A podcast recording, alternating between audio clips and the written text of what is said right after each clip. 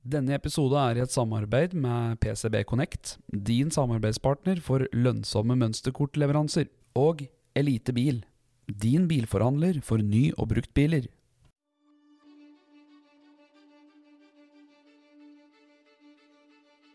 Gå veien sammen med dem. Og være en omsorgsperson, være en støttespiller, være en uh, voksenperson, være en kompis, være en bror, en søster. Altså Vi skal ikke gjøre jobben for dem, vi skal gjøre jobben sammen med dem. De skal ha delaktighet i eget liv, da. Og det er jo absolutt kjempeviktig idet du driver og blir voksen. For uh, idet du blir 18, så er du jo på en måte voksen. Men uh, vi skulle alle kanskje ønske, når vi ble 18, å ha en litt sånn kompis og støttesetter som har vært der før, da.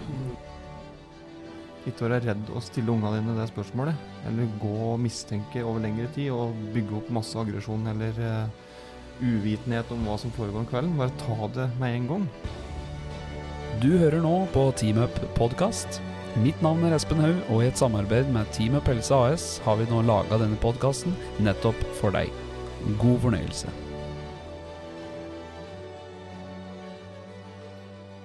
Da er vi i gang. Velkommen! Takk. Hvilken episode er vi på nå? Nå er vi på seks. Nummer seks. Nummer seks. To gjester her i dag òg. Pål er tilbake igjen, da. Pål er tilbake. Han er ikke en blomst i dag.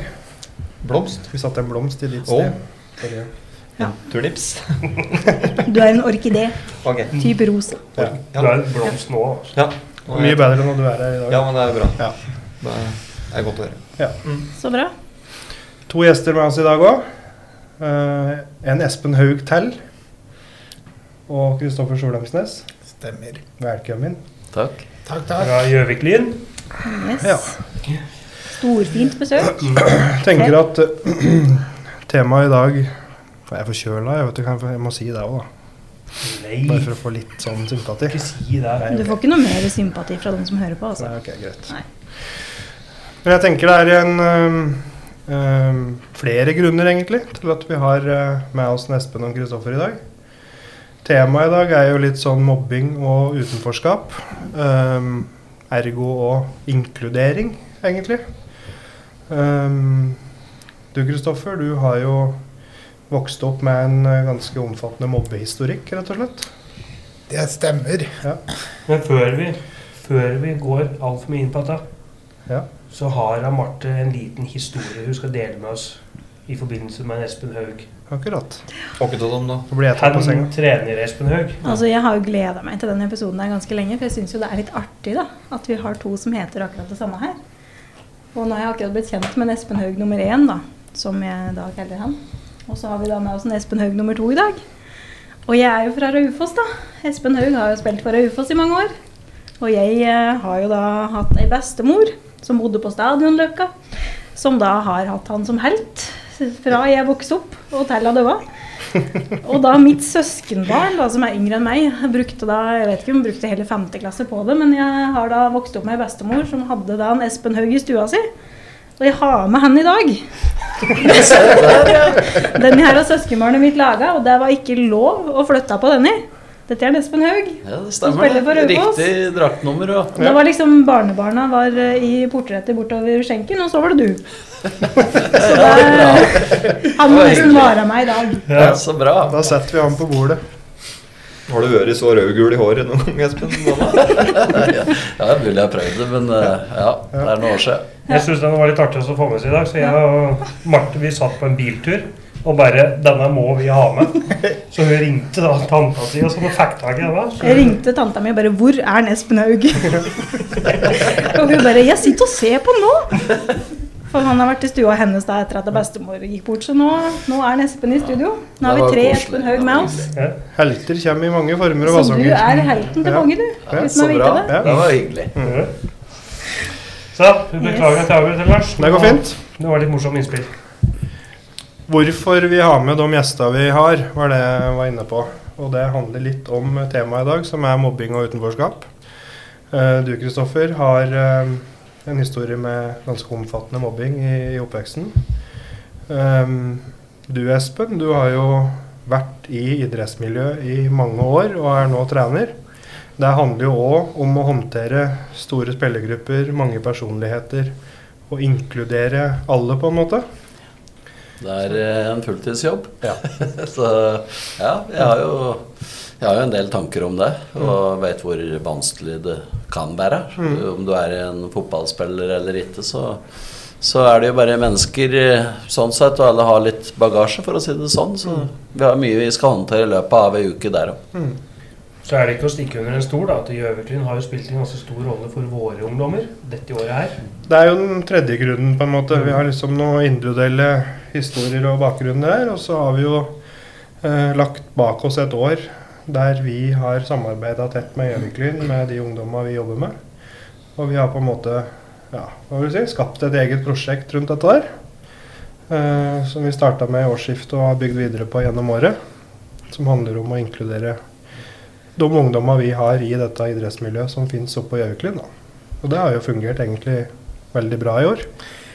Jeg må jo få lov til å si at uh, når jeg banka på ut hos dere i Sommerveien, uh, så var det jo et håp om vi kunne få til noe i lag. Uh, det jeg tror er viktig med idrett. Eh, Espen, eh, jeg sier det hele tida, men jeg er så fornøyd med måten Gjøviklund er oppdratt på i år. Det er altså femteplass på tabellen. Og den, det eventyret vi fikk i cupen på Gjøvik altså Alle snakker om fotball. Eh, men et idrettslag handler om mye mer enn bare altså Det handler mye om det, men også om de som er rundt. Og det at vi faktisk kan samarbeide om at ungdom som av en eller annen årsak har stått utafor, kan få komme til oss, få oppleve mestring. Det er, det er for meg kanskje en Altså, Det du har gjort i år, det er jo en seier det også, men å se veksten til de ungdommene, det er jo en seier vi, vi har i laget alle mann. Det er vel lov å si at vi har Jeg syns vi har tenkt litt innovativt nå, jeg, da. Altså, etter det jeg vet, i hvert fall, så er det ikke mange idrettslag som har på en måte um, inngått et samarbeid på den måten vi har gjort, og inkludert på en måte barnevern og vanskeligstilt ungdom og, og noen som sliter med rus og diverse, inn i arrangementene til, til idrettslaget. Og, og vært en del av miljøet gjennom hele året og, og gitt av seg sjøl inn i det og fått veldig mye i det. Så jeg, jeg tenker jo at det er innovativt, og jeg da, og gjort oss mye gode erfaringer på det. Ja, og så er det Det har jo vært eh, for oss Fotball handler jo veldig mye om fellesskap. Eh, og for oss så er jo å bli kjent med dekk og, og gutta uh, har jo vært uh, veldig, veldig viktig.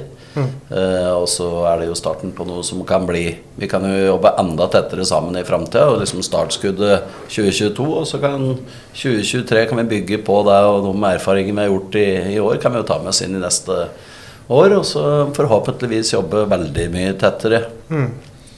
om rett over nyåret. Mm. jeg har aldri, altså, dette er jo en arena hvor som ungdommen nesten ikke har bidratt på tidligere.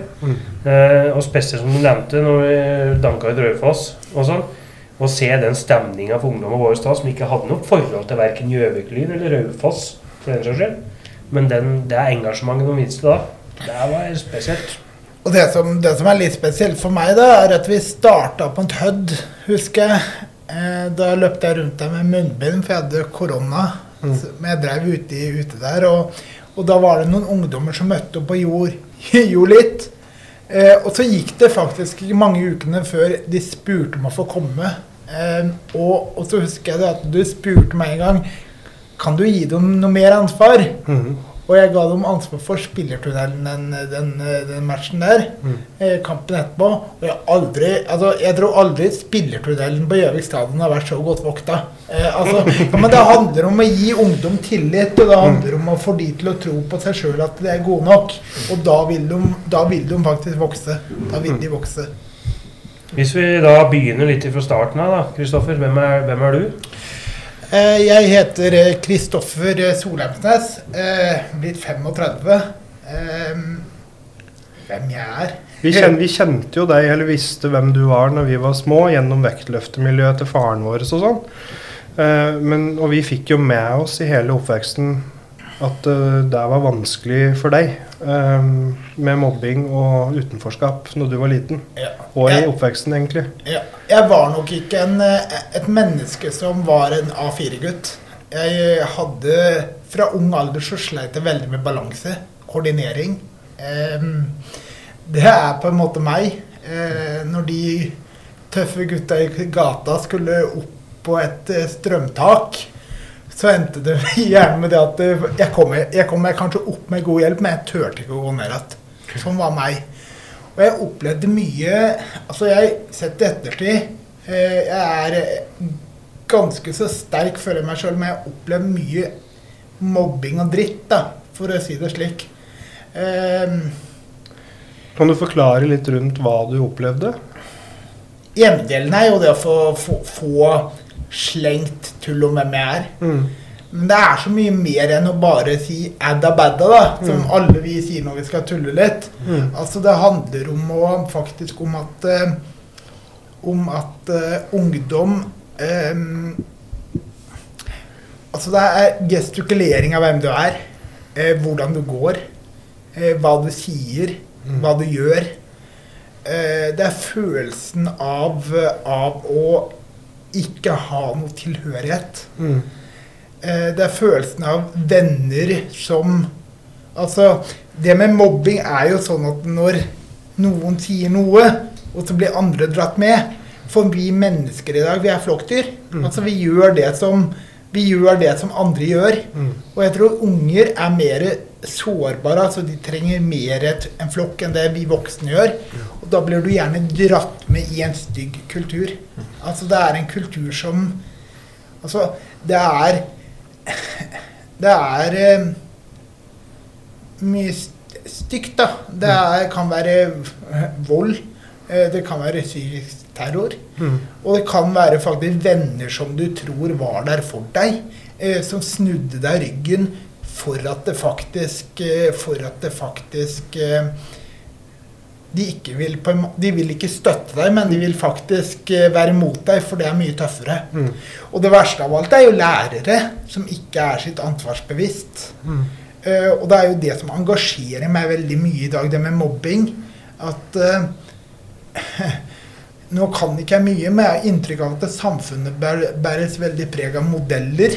Eh, sånn kan du løse opp i mobbing. Sånn kan du løse opp i en konflikt. Mm. Men det handler faktisk om hvordan du er som person. Medmenneskelighet. Medmenneskelighet, enkelt og greit. Og tørre å agere på det du ser. Ja, men Og så gå inn i situasjoner og gjøre, noe, gjøre faktisk noe med det. akkurat det det går på. Mm.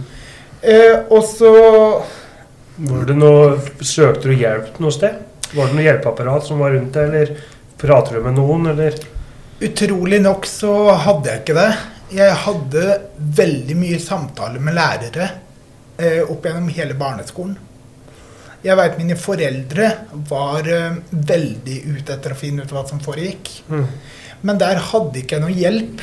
Men jeg hadde, hadde faktisk en mor og en far som jeg er evig takknemlig for. Mm. Eh, og de brydde seg oppriktig over hvor, hvordan dagen hadde vært. Mm. Eh, så middagene hjemme hos oss gikk stort sett i å fortelle om dagen som hadde vært. Mm. Og det var nesten i perioder hvor det var unntak at vi ikke satt og prata om hva som hadde skjedd. Mm. Altså det negative. Eh, Det var den, det store samtaletemaet rundt bordet, altså. Det var det hver dag. Mm. Eh, var Vi sto jo litt på utsida, så vi var jo ikke i samme vennekrets. Så vi er jo litt eldre og litt sånne ting. ja. Men vi, men, ja, men vi fikk jo med oss på en måte Eller vi hørte igjen og så på uh, ting som foregikk rundt deg. da Uh, Og jeg veit jo at du, Mads, reagerte veldig på det bl.a. på en leirskole og sånn. Mm, Og, og apropos mamma, da, som gjesta forrige podkast. Hun var jo òg involvert i dette her, for hun var jo en av de foreldra som oppsøkte foreldra dine for å melde ifra om noen episoder og om noe mobbing som, som eh, Mats hadde sett. da. Jeg husker veldig godt eh, den kvelden da mamma fortalte meg det. Mm. At eh, moren din hadde vært der. Mm. Eh, og da Jeg, jeg antyda ikke at noe hadde skjedd på den leirskolen. Nei. For meg så var det bare morsomt. Jeg husker den episoden. Ja, men jeg husker den ikke. For jeg så på det som nesten bare morsomt. Mm. Men, eh, men, eh, men det er jo litt med oss mennesker òg, da. Jeg, eh, jeg tror det at når, når du opplever ting som sies oss det er veldig mye, så glemmer du faktisk Altså, de andre tenker på som bra eller dårlig. Hvis jeg opplever mye dårlig, da, så kan det være at det var Det var ikke så dårlig, så du brydde deg ikke om det. Det er jo det dette handler om. Så Overlevelsesmekanismer. det blir overlevelsesmekanismer hele veien. Og sånn var det. Men når du sa i stad at det kan handle om vold, altså psykisk Ja, terror, ja. eh, alle de tinga der, er det ting som du har opplevd? Alle de tinga? Eh, jeg eh, opplevde mest eh, Altså, det verste for meg var de som snudde meg ryggen.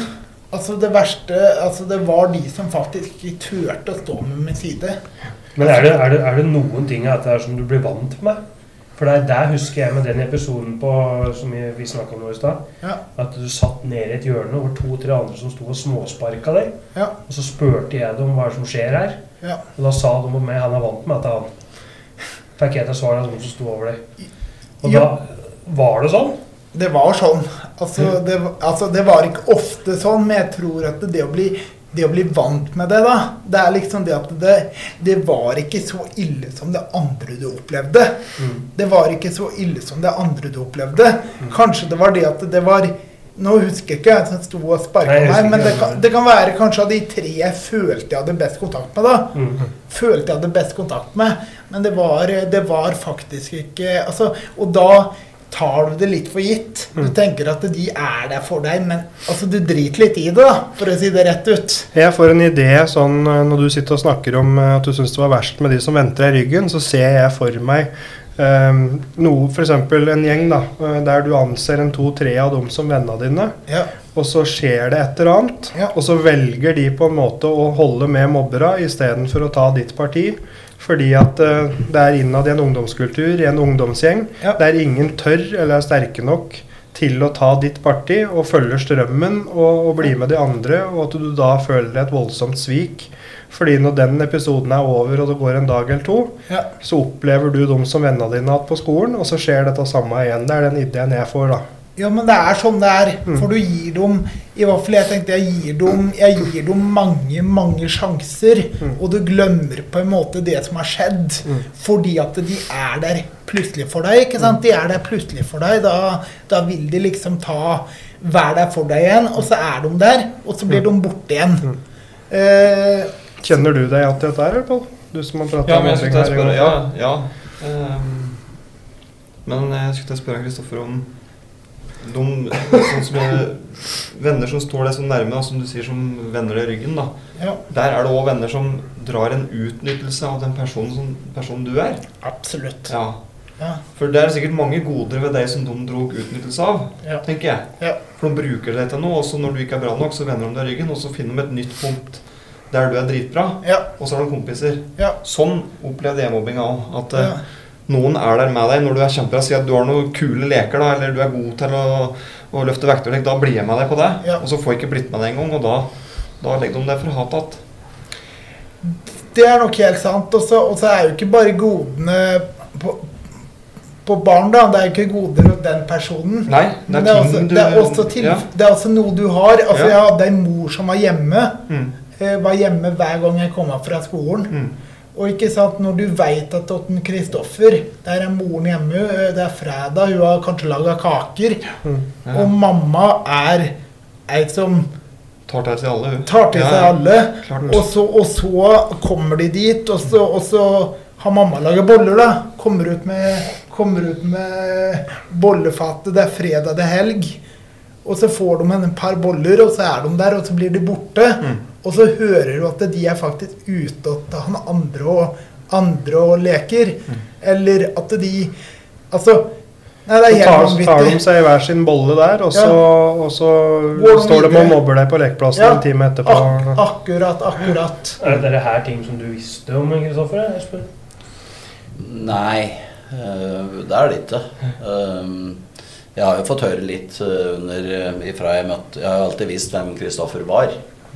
Men eh, det er vel eh, et par år siden jeg hørte om disse mobbehistoriene og sånne ting. Og jeg syns det er vondt å sitte og høre på. For det er jo en, jeg er jo blitt glad i en Kristoffer. Det er umulig å ikke- bli det.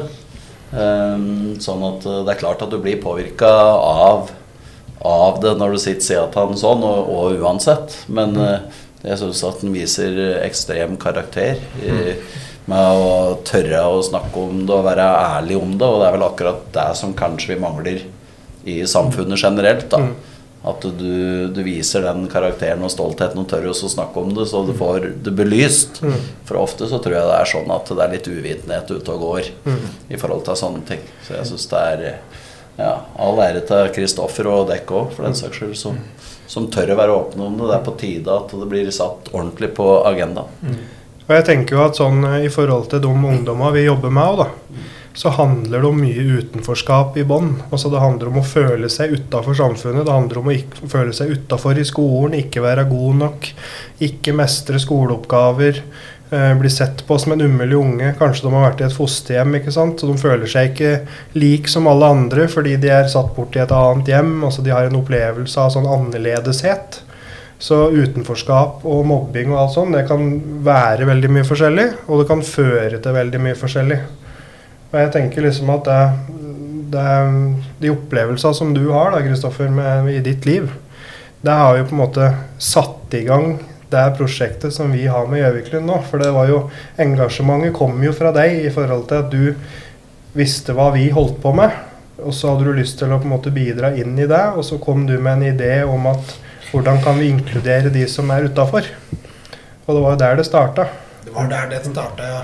Før vi går over til det prosjektet, jeg har lyst til å si én ting. Eh, Og jeg har lyst til å si takk til én som har betydd ekstremt mye for meg. Eh, Barneskolen for meg var vanskelig. Når jeg kom på ungdomsskolen, så var det en lærer der som het Stein Jarle Jacobsen. Mm. Han, han, han har eh, Takket være han, da, så ordna mye seg på kort tid. Mm. Eh, og, det, og da da startet på en måte ungdommen min. Mm. Eh, da kom jeg i kontakt med vektløftermiljøet. Jeg var kjent med dere. Mm. Der hadde jeg en fantastisk eh, Mange fantastiske personer, men deres far, en Asle Måten han tok vare på oss ungdommer på, var venn, men stilte krav. Eh, måten han på en måte inkluderte alle på, eh, stilte krav. Altså Det var sånn skulle du være på Atleklubben, så var det å stille på dugnad. Om du var landslagsløfter, eller om du var eh, meg som gikk der rundt og eh, Meg som gikk der rundt, men, men han tok vare på alle. Eh, og da og da begynte jeg egentlig å se eh, Fikk jeg et, en tilhørighet, da. For da er vi inne på dette temaet her med Ja. at uh, å finne tilhørighet, Ja. eller finne en arena, eller finne et miljø der du føler deg hjemme, eller blir uh, sett for den du er, Ja. og får lov til å være deg sjøl. Ja. Og det er jo så viktig. Så var det jo klart for Espen nå første gangen, så har jeg sagt til deg før at du slår meg som en fyr som, som er litt glad i dette her, og, så- og, og hjelper noen som er kanskje litt, har litt sånn utenforskap. Og, at du slår meg som en sånn fyr. Som, eh, for jeg ser jo hvordan du er med ungdommer, hvordan du er med, med andre personer som har opplevd litt verre ting. Altså det, du, du gir jo det lille ekstra her, og du, er jo, du ser jo at det er noe du brenner for. Du kan jo ikke jobbe som fotballtrening og være etter i miljøet på det nivået du er, uten å være litt psykolog og, og terapeut og mamma og pappa, holdt jeg på å si, på en gang. Nei, det er jo Altså, det som er viktig for meg, er at eh, folk rundt meg skal ha det bra. Jeg er kanskje over, over snittet opptatt av at uh, andre skal synes at jeg er en ålreit uh, fyr. Uh, men det er jo, hvis du skal ha det bra i hverdagen, så er det mye lettere hvis de rundt deg har det bra. Mm. Eh, sånn at vi har jo hatt mye gode samtaler, eh, Kristoffer, som har vært eh, ja, Av og til så er du jo brutalt ærlig, som jeg kjenner at det knyter seg litt i magen på meg. Men, men det handler veldig mye om folkeskikk da, og respekt. Og det er jo sånn i en fotballgarderobe at det er liksom lov å, lov å være forskjellig. Mm. Og gjennom Nå har jeg vært trener i 15 år, og du møter veldig mange forskjellige personligheter. Vi har jo hatt spillere som, som har blitt mobba, og som har eh, opplevd tøffe ting som, som barn og ungdom, f.eks. Som du det handler om å lytte litt, da. Jeg ønsker å være en person som de stoler på. Mm. Og der føler jeg at jeg har nådd fram til spillergruppa og um, Kristoffer og Stian Skjerpen og gutta som jobber med meg i det daglige. Da, da syns jeg at det er veldig ålreit. Å ta seg tid til å, å lytte litt, det er, eh, det er bra for alle. Det opplever jo du som hovedtrener for Gjøviklund var veldig kjapt på ballen med å synes at det her var en god idé. Med dette inkluderende greiene her. Og så hørte jeg òg eh, noen stemmer i gangen som, som sa at det òg var noen skeptikere. Fordi at skal dere involvere på en måte ungdom som er litt på utsida, som kanskje har slitt litt med rus Der òg hørte jeg litt i gangen liksom at noen reagerte litt på.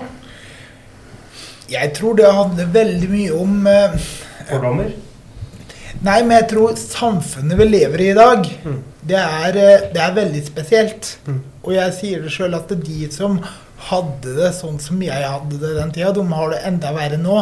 Men jeg tror at vi er veldig opptatt av at alt skal være perfekt.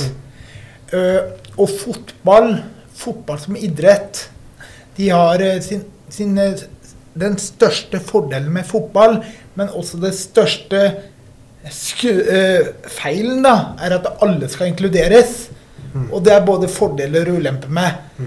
Og så på Gjøvik stadion, det skal være trygt og godt, og så lager vi et sånt tilbud. Folk blir usikre fordi at vi utfordrer kanskje noen av, noen av deres, deres måter å tenke på, da. Mm. Eh, men jeg tror det at eh, det å faktisk vise en Per og Pål eller en Marte på 15, eller en A-lagsspiller at det her vil vi ta vare på alle, da er det faktisk om, om de blir vraka til en kamp av en Espen, eller at de har en skade i leggen, så er ikke det det viktigste. For det, viktig, altså, det viktigste er å ta vare på hverandre. Mm. Jeg tror det handler mye om fordommer og, og uvitenhet. Jeg tror det er fryktelig mange som har forskjellige reaksjoner på, på I forhold til det du sa, da. Litt sånn skepsis. Mm. Uh, og så er det å gjøre den skepsisen over på noe som er positivt. Og det syns jeg definitivt dette her har vært. da Jeg for min egen del og har jo den eh, styggen på ryggen av og til i forhold til yrket mitt, og har opplevd en del ubehagelige historier eh, og ting som har skjedd. For det, når det er ansvaret for en fotballklubb, da, resultatet der, spesielt på et seniornivå, så må du regne med å få slengt kommentarer på sosiale medier. Eh, Det er veldig lett for folk å komme og gi deg en klem når du har vunnet en fotballkamp. Mens når du taper, så er den innbytterbenken å stå der Det er den mest ensomme plassen å være på i, på denne planeten her, føles det ut eh, som av og til. Og der, jeg husker en episode der vi tapte Da vi trente på Raufoss og tapte en kamp, og så var vi på Urbane Totninger. Så skal jeg gå innom postkassa når vi kommer igjen på kvelden. Og spesielt for kona mi så er det jo tøft å lese det. Vi har et brev der du der var det noen som hadde tatt seg tid til å plukke ut og i bokstaver og limt inn et brev om hvor feit jeg var, og stygg jeg var, og dårlig trener jeg var. Og jeg var Ja, det var ikke veldig mye positivt å spore der. Men, eh, men samtidig så tror jeg det er veldig veldig viktig å sortere ut hvem du som gir deg energi og ikke. Altså. Det vi brukte ikke veldig mye tid på det, men du får sånne ubehageligheter. Det gjør noe med det likevel. Ja, det, det, det gjør det. Men, men samtidig så er det sånn at eh, alle kan fotball. Det Mm. er ingen som stiller et spørsmålstegn ved tannlegen.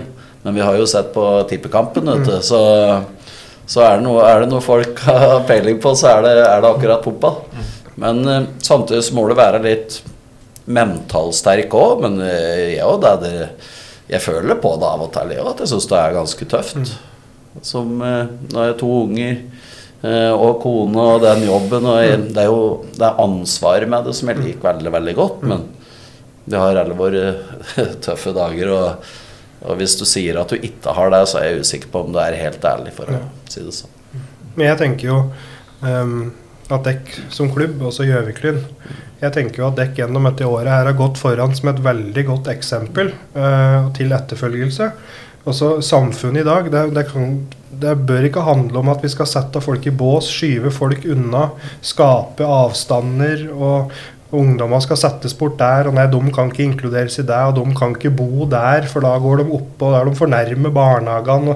Og, så det er jo mange sånne greier i samfunnet. Altså, jeg tenker jo alle burde tenke sånn som vi har gjort i år. Altså, folk må inkluderes. for Du får ikke noe vekst hos folk, eller du får ikke noe aksept, eller du får ikke noe endringer ved å liksom skyve folk unna.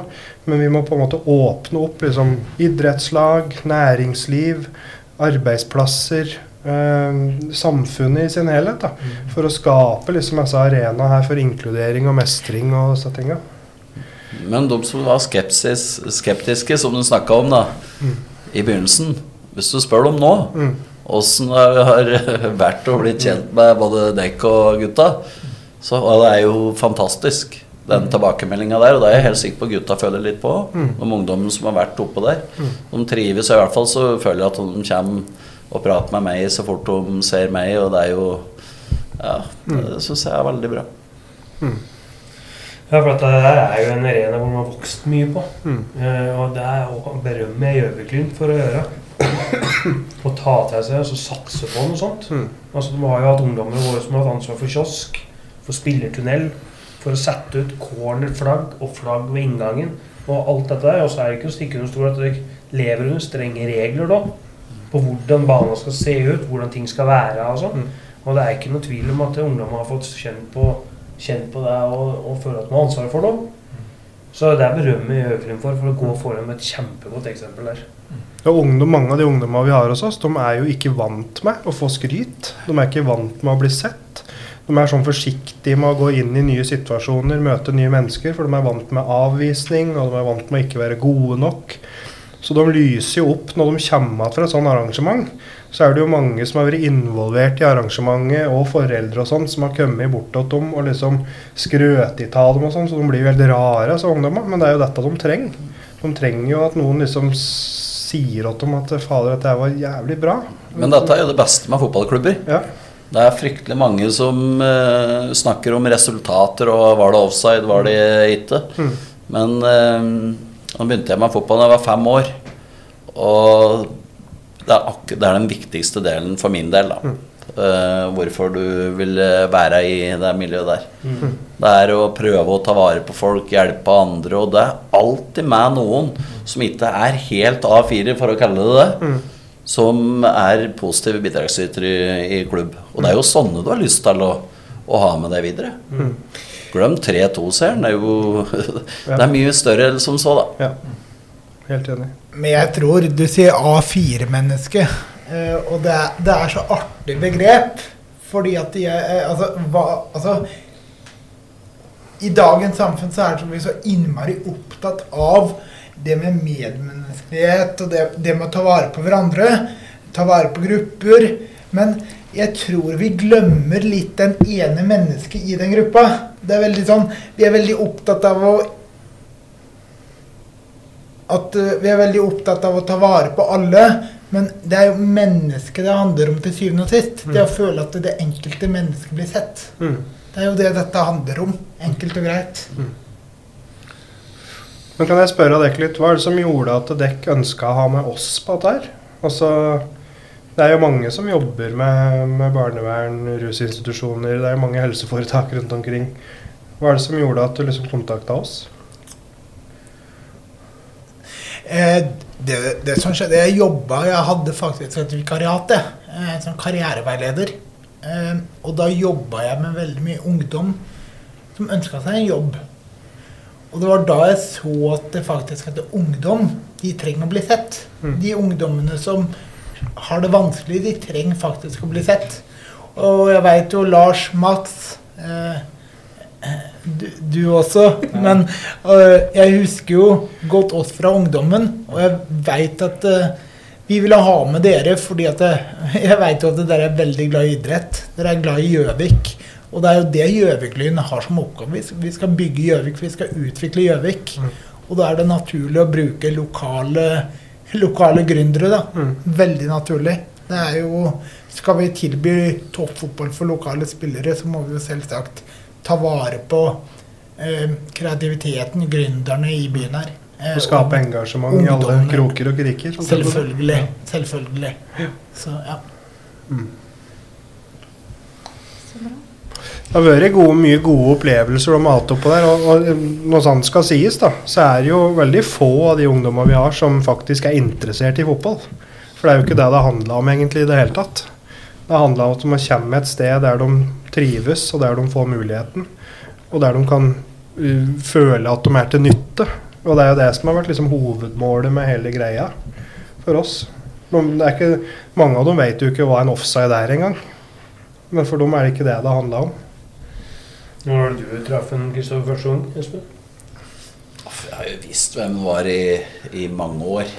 Det er jo gjennom eh, Jeg har jo visst at han er eh, fotballinteressert. Mm. Og så vet jeg òg at han er en vanvittig bra fotballdommer. Mm. Med stor kunnskap om altså hvordan en fotballkamp skal være.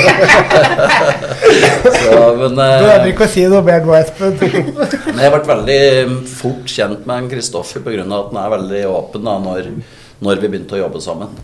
Og vi tilbringer mange, ti, mange timer sammen i, i uka, og så betyr jo dette her litt ekstra for den Kristoffer. Det merker jo dere som sitter her òg. At, eh, at det betyr noe at en er åpen og ærlig, som jeg sa i stad. Det, det er veldig bra. Og jeg er en sånn type som Jeg liker en Kristoffer godt akkurat som hun er. For meg, om du er en veldig vellykket eh, toppfotballspiller eller trener eller spiller i VM eller uansett hva du driver med, da, så jeg har veldig sansen for forskjellige personligheter. Og han har jo en, eh, en ordentlig god personlighet. Eh, Og det setter jeg veldig pris på. Det gjør det. Har ikke du jobbet litt med folk utafor fotballbanen før Da? Har ikke du vært litt i psykiatrien og litt sånne ting? Jeg jobber en liten periode ute på Reinsvoll, mm. eh, på sykehuset der. Det syns jeg var den tøffeste jobben jeg har hatt.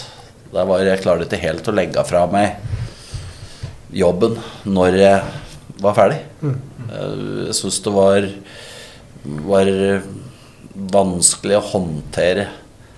Det er også bare gå tilbake til min vanlige hverdag som fotballspiller, da, som jeg var da. Eh, Der følte jeg på. Så jobbet jeg en liten periode i, i barnevernet i Vestre Toten kommune. Hadde en gutt der som jeg fulgte opp, som jeg syns var eh, helt fantastisk å, å være med. Men så ble jeg mm, Etter hvert så bytte jeg fotballklubb, som gjorde at jeg måtte måtte flytte litt på meg. Så da, da ble jeg heltids eh, profesjonell spiller. Men jeg har jo vært trener nå siden 2008 og jobba med veldig veldig mange spillere på 15 år, og nå er jeg jo 47.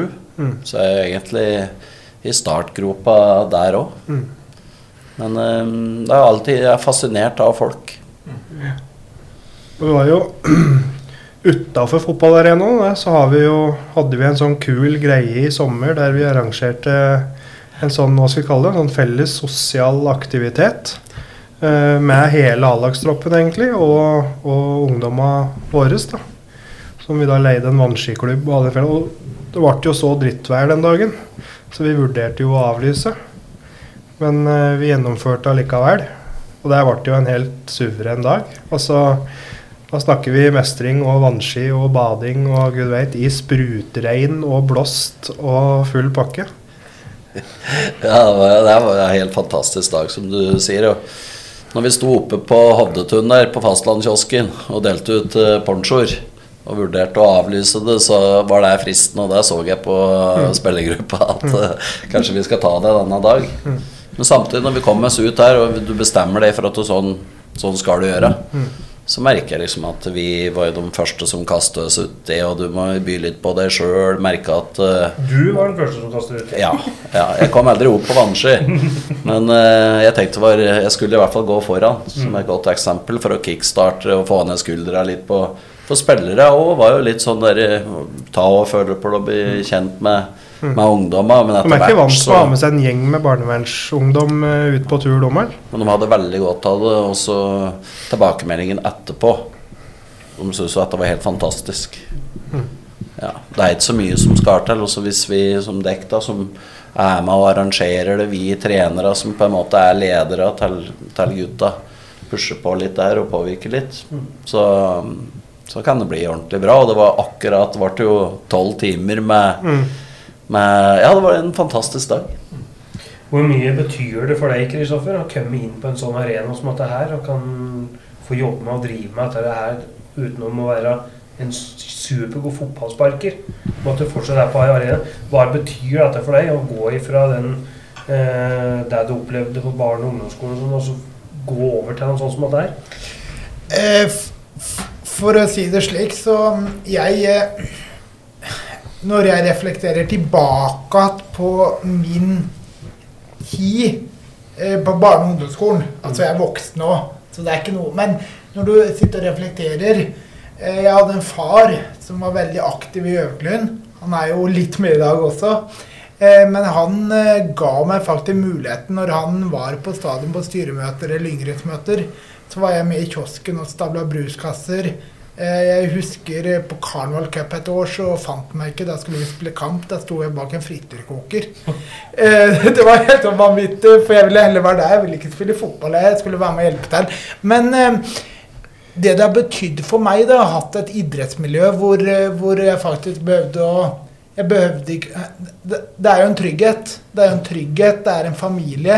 Eh, eh, og det å få lov til å jobbe med i dag, det er jeg ufattelig stolt av.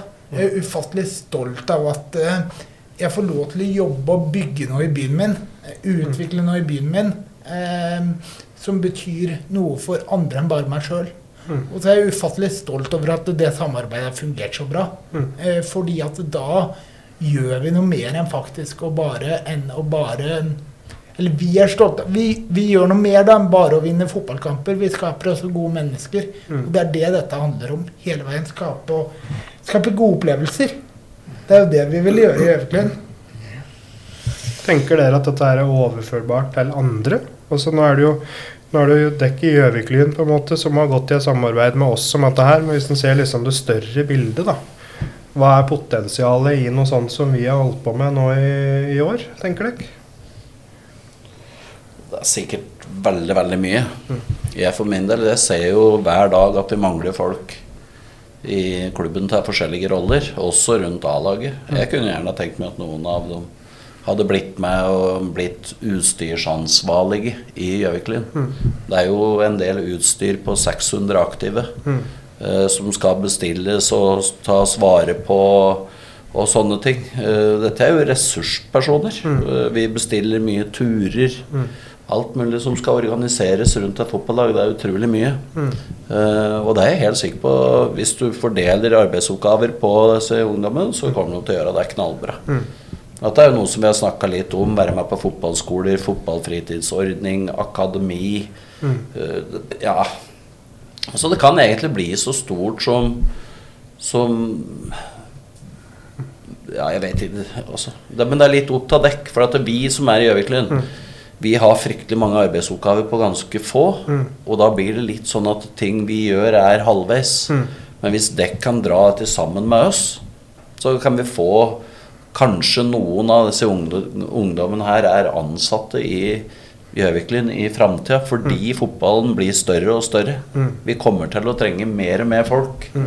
Eh, om det er fotball eller om det er hockey. Det handler om å ha dem ut i aktiviteter. Og det skal legges til rette om det er en hockeyklubb eller en fotballklubb. Så trenger vi Vi trenger flere. Og dette der er jo litt sånn jeg ved to anledninger hørt på du har pratet tidligere. Og denne mentaliteten som du har overfor vi, troppen, overfor A-lagsspillere, hvor du har henta inn flere unge, lov, unge lovende spillere. Eh, kan du fortelle litt om det? Troppen som du har som spiller med antall lokale spillere og den fordelingen der, syns jeg er veldig fin. Som du bruker. Det er utvikling av mennesker. Mm. Ja, det er jo Det er jo det ikke bare rein fotballmessig. Ja. Det er det det går på hele veien. Og så liksom med personligheta di, Da. Sånn som vi er jo glad i å ha med unge spillere til å trene med A-laget vårt. Og så er det noe med hva er det jeg kan forvente av en ung spiller. Da. Mm. Det er at du, han løper masse energi, gjør sitt beste. Selvsagt kommer du til å gjøre feil, men det vet du om på forhånd. Nå har jeg trent på Raufoss i ni år og fem-seks år her. Og det er aldri en unggutt som har, har skuffa meg. For jeg går inn bare Jeg sier til dem før treninga begynner. De er jo litt spente. Det eneste jeg forventer, er at de viser meg at de elsker å spille fotball. Så vi har en sånn Policyen vår er at vi skal spille med minimum sju stykker da, i startelveren. Som skal være fra lokalt her. Um, og så nå har vi hatt en tropp på 29-30 stykker, og der er vel 25 fra distriktet her.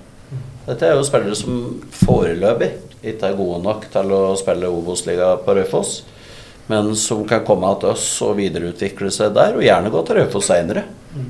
Men um, det er det som er liksom hovedmålet. Men du, i fotball så må du ha med deg personligheter.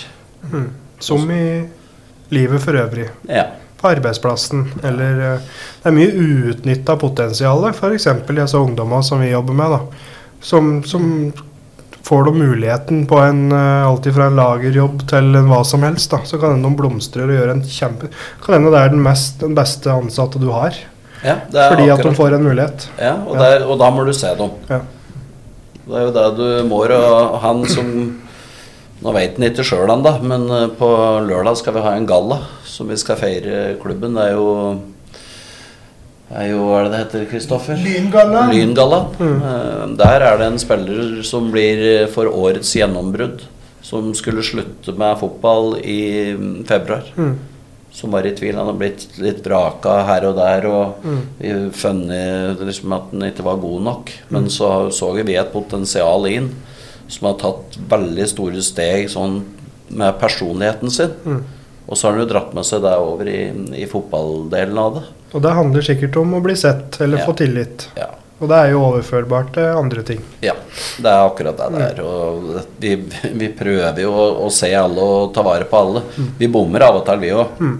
Definitivt at det er ting som vi overser som, som er viktig. Men, men spillere til klubben vet at det er Og det gjelder hele klubben. Døra mi er oppe. Mm. Den er åpen, og jeg, jeg ordner alltid fra litt billigere dekk til, på en bil til eh, er der for kjærlighetsproblemer, økonomiske problemer, eh, skadesituasjoner, eh, familier som har ut, store utfordringer. Og, og det, er en, det er en stor jobb, men det er jo den viktigste jobben. Mm. For for meg så handler det ikke om eh, Altså 90% kanskje går på å ta vare på folk Mm. og prøve å få det beste ut av det. Derfor er det viktig med sånne arenaer. Altså Ja. Når det gjelder dette med utenforskap og sånn. Mm. Det er viktig at noen åpner, åpner opp for dette her. Og så, og så tror jeg no, vi, vi som driver med fotball, da eh, vi, eh, Altså, fotball er noe alle starter med, og så blir det et naturlig frafall. Men noen gir seg ganske Gir seg, og så havner de eh, på gutterommet, eh, spiller data, eh, havner på Vi snakker en skysstasjon på Gjøvik nå. Mm. Jeg eh, altså, men det er så viktig, tror jeg, at et idrettslag, fotballklubb, hockeyen kan faktisk fortelle om muligheten som ligger der. Mm. Og så må vi faktisk anerkjenne det å jobbe. Altså Vi må være mye mer opptatt av de som vil gjøre en jobb utafor Mm. utenfor fotballbanen. Eh, fordi at eh, det å havne utenfor Altså Du er ikke utafor fordi om du ikke er på et lag. Eh, for det er så ufattelig viktig det som skjer rundt. Mm. Uh, og for å si litt for Gjøviklund sin del, så er det alle er jo velkommen der. Mm. Altså alle er, alle er velkommen der. Jeg sier jo prater for meg sjøl. Jeg er jo ikke noen god fotballsparker. Jeg har ikke prestert på en sånn arena før nå sjøl. Jeg tror faktisk jeg var var bedre enn deg. Ja. Men hvis vi skal ta dem altså, Hvis vi skal um, um, Disse ungdommene som, som vi jobber med, da. Der ligger det ofte en sånn naturlig skeptis, skepsis fra folk. Hva er det dere vil si til dem som ikke tør å gi disse ungdommene der en mulighet? Altså i forhold til den erfaringa vi har gjort nå i år. Og, for dette er ungdom som stadig blir avvist, stadig blir sett som problembarn. Eh, stadig blir sett på som ressurssvake. Og så er det kanskje det stikk motsatte, men de har aldri fått lov til å prøve seg, eller fått eh, vokst på noe, eller få tillit. Og det har de jo fått f.eks. i denne settinga her gjennom året. da. Er det noe dere vil si til andre folk, bedrifter, foreninger, eh, arbeidsplasser? Er Næringslivet generelt. altså er, det, er det verdt å gi noen av disse ungdommene her en mulighet? Tenk på hva dere får igjen hvis dere gir dem en mulighet. Mm. Altså den eh, stolte ungdommen som kommer inn eh, døra mi eller på Gjøvik stadion, som endelig bety føler at de betyr noe. Mm. Som, eh, som eh, mestrer oppgaver, og det, som jeg sa i stad, så er dette ressurspersoner. Mm. Gi dem en mulighet.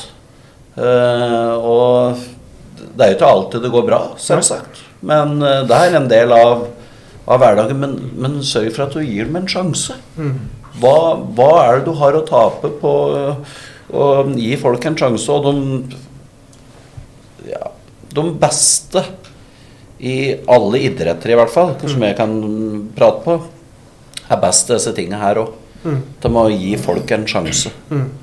Og så er det jo opp til ungdommen sammen med altså, i næringslivet å legge til rette sånn at å holde tak i det. Og risikoen er jo at du blir veldig glad i dem. Mm. Eh, og, vi, og hvis det blir en bonus etter hvert, da, da snakker vi. For vi er jo såpass heldige begynner å bli at vi har jo egentlig mange samarbeidspartnere nå. Eller det er mange som har gitt en sjanse. Men, Mange jeg- men, jeg- seg. ja, men jeg tenker òg at vi har mye å gå på, da. Mm. Men Men tenk er hvor mange som prater på samarbeidet. Ja. Det er mange, altså. Mm. Kommentarer på sosiale medier. Dette er jo noe folk liker. Ja. Jeg råder også folk liksom til å gå inn og sjekke litt hva Gjøklund driver med. Hva Mm. de trenger bistand til for å fortsatt kunne spille toppfotball Mm. og holde oss der. For det er ikke en tvil om at det har gjort en kjempejobb med den innsatsen som har vært lagt ned nå denne sesongen her. Men hva er en god fotballklubb? Mm. Det, ja, så hva, hva syns dere at det er en god fotballklubb? Er det uh, Liverpool, eller uh, hva er det, hva er det som Nei, nei, betyr nei, noe? nei, nei. Men hva, hva, hva er definisjonen på en god fotballklubb? Ja, akkurat det du prater om, tenker jeg. Den åpenheten og mottakeligheten som dere har. Mm. At de tar ikke alle under én kam. At de Det er jo en fotball, litt rundt. Ja, fotballklubb som inkluderer Ja. alle, sjøl om vi har snakka litt på det før, at ikke alle kan være kjempegode i fotball. Mm. Men det er jo mange som fortsatt ønsker å være en del av det. Så det er å kunne inkludere alle som har lyst til å bidra, da. Mm. Å vokse som klubb, det er jo det som for meg gjør det til en god klubb. At du inkluderer og er åpen for at uh, alle kan få bidra og være med på sin måte. Sjølve fotballen er jo treninger på 90 minutter og kamper på 90 minutter. Og hvor mye tid er det igjen i døgnet å ta uka og ta måneden da, som handler om det sosiale? Og det handler om å ha en arena der du føler deg ivaretatt og kan ha det morsomt. Og kan reise på felles turer, kan gå på Peppers Pizza. Altså, en god fotballklubb for meg skaper engasjement og er inkluderende, som du sier, Marte. Og på en måte ivaretar det sosiale og tryggheten og tilliten som er rundt. da. Jeg har jo gått sjøl de senere åra og så tenkte jeg at alle som driver med idrett, de speider bare etter de beste ikke sant, til å spille. Så det er først nå Gjøviklyn åpner øya mine for at det faktisk, fins faktisk arena der som Mm. du kan prestere på utenom å være god. Men jeg har hele tida gått med tanken på det. Det er sikkert mange andre som går med tanken om det òg. At det er en idrett, som fotball, hockey, hva som er kun ute etter å speide etter det beste talentet. Også, men det er som Lars sier, at du, det handler om alt dette rundt òg. Og der mener jeg at jeg ikke er nå en frontfigur for hva, eh, hva et sånt samarbeid kan utrette. Men du sier det med talent, da. Eh, altså det, det at eh, vi får muligheten til å bruke deres ungdommer Selvfølgelig må vi ha de beste fotballtalentene i distriktet Mm. her, men skal Gjøviklyn bli gode, så må vi også finne de beste talentene rundt. Altså, vi støtteapparatet Ja, er viktig. ikke? Støtteapparatet, vi må finne de beste Altså, jeg sier det litt sånn flåsete sagt at det, kanskje om 15 år så er en av de gutta som sto i porten, eller han ene som var med, han er styrelederen i Gjøviklund, han. Mm. Hvem veit? Hvem veit? Og det er, det er der vi må faktisk Det er der vi må leite. For skal vi bli gode som en klubb, så må vi finne de beste talentene på mange områder. Det kan hende at ungdommene våre er uh, talenter òg. Mm. At det er talenter som ingen ser. Som, Ja, det- som de trenger uh, en arena for å få vist fram talentet sitt. Om de er arbeidsjern, eller om de har kapasitet, eller om de er flinke til noe og sånn. Så gjelder det å finne på en måte en arena der det blir avdekket. alt Det på å det, er derfor, det er derfor jeg råder folk til som følger med på hva Gjøviklund driver med. Mm. Fordi det er så mye mer enn kun fotball der. Og alle starter jo ett sted. Mm.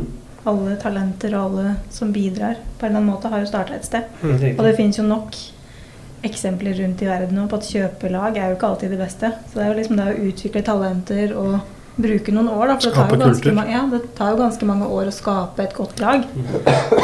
Og der mener jeg at Espen Haug har da et unikt øh, bilde av hvordan et fotballag kan settes sammen. Mm. Nå er vi en liten by som dette her, man bruker lokale spillere, Mm. og bruker unge spillere. Jeg syns det er helt unikt Mm. å gjøre enn å være et idrettslag som du eh, ikke har en eneste lokal spiller på. Ikke sant? Hvor de bare utvikler spillere, og så når de blir gode nok, så går de en annen stand. Men der mener jeg at hvis du har eh, godt støtteapparat rundt og mye som skjer, og sånn, så bidrar det òg til å holde gode spillere innad i ja, hva slags idrettslag du driver med. Men jeg har lyst til å spørre deg òg, Kristoffer. For det, um, ja, så, vi har jo snakka litt om det nå, men, men, men den historien din er ganske drøy.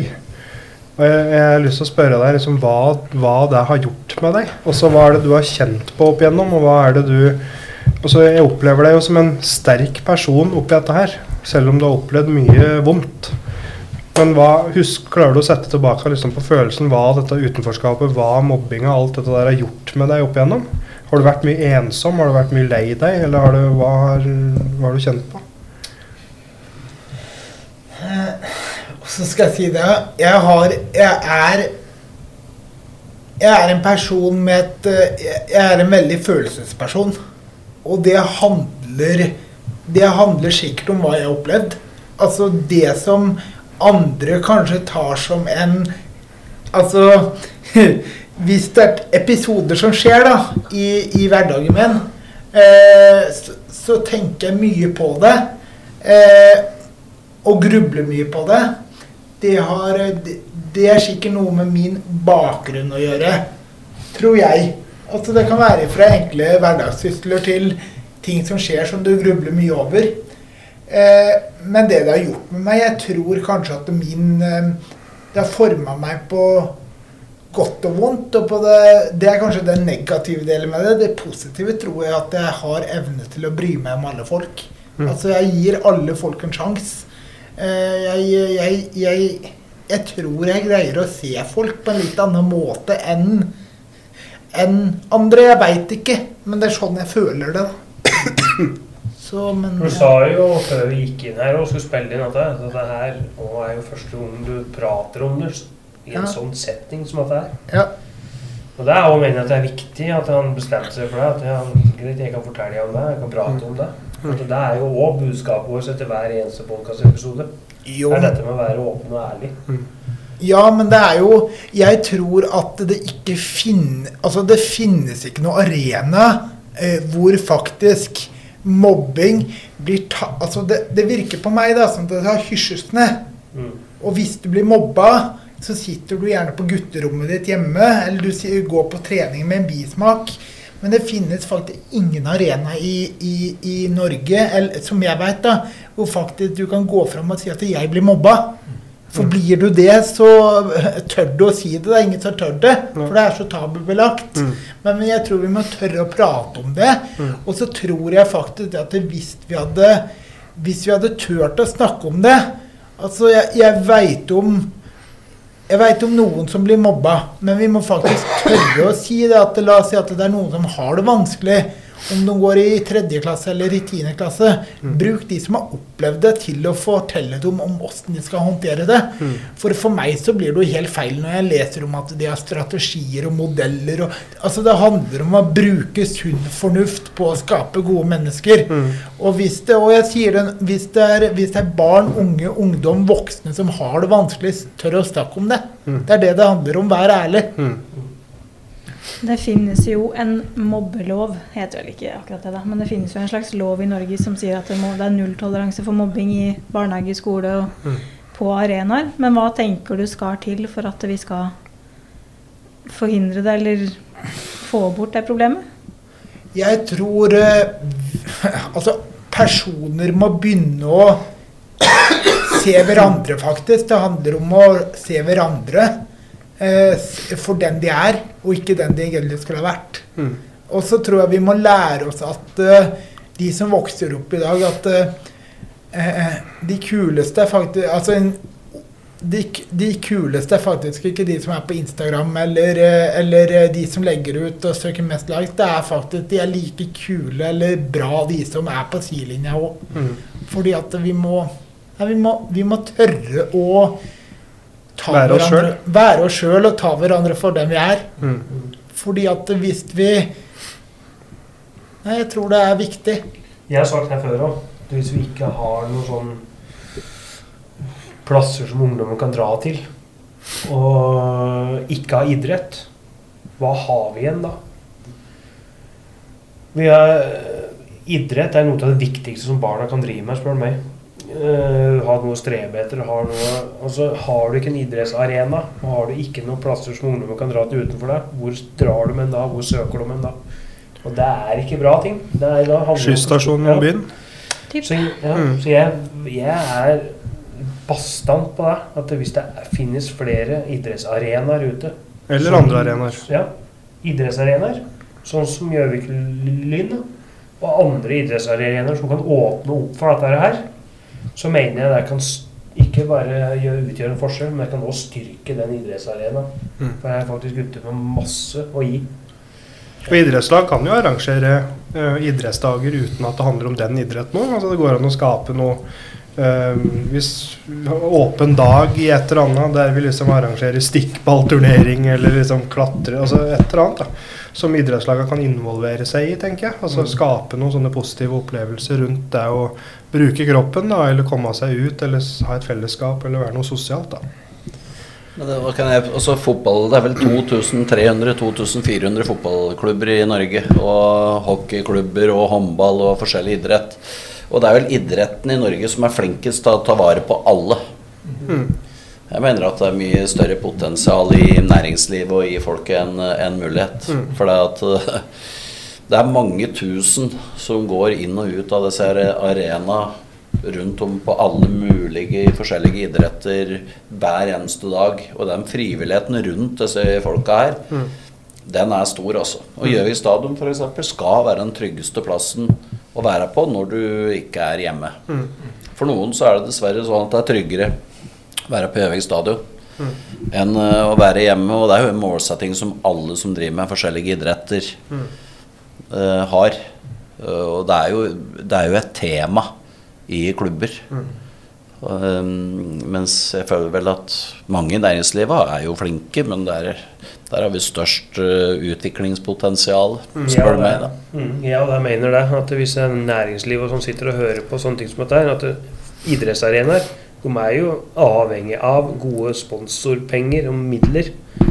Så jeg mener at hvis næringslivet hører på det, det er en grunn til at vi gikk inn og inn som sponsorer til denne idrettsarenaen her. For det er en plass hvor ungdomma får bruke ressursene dine, og folk som ser dem.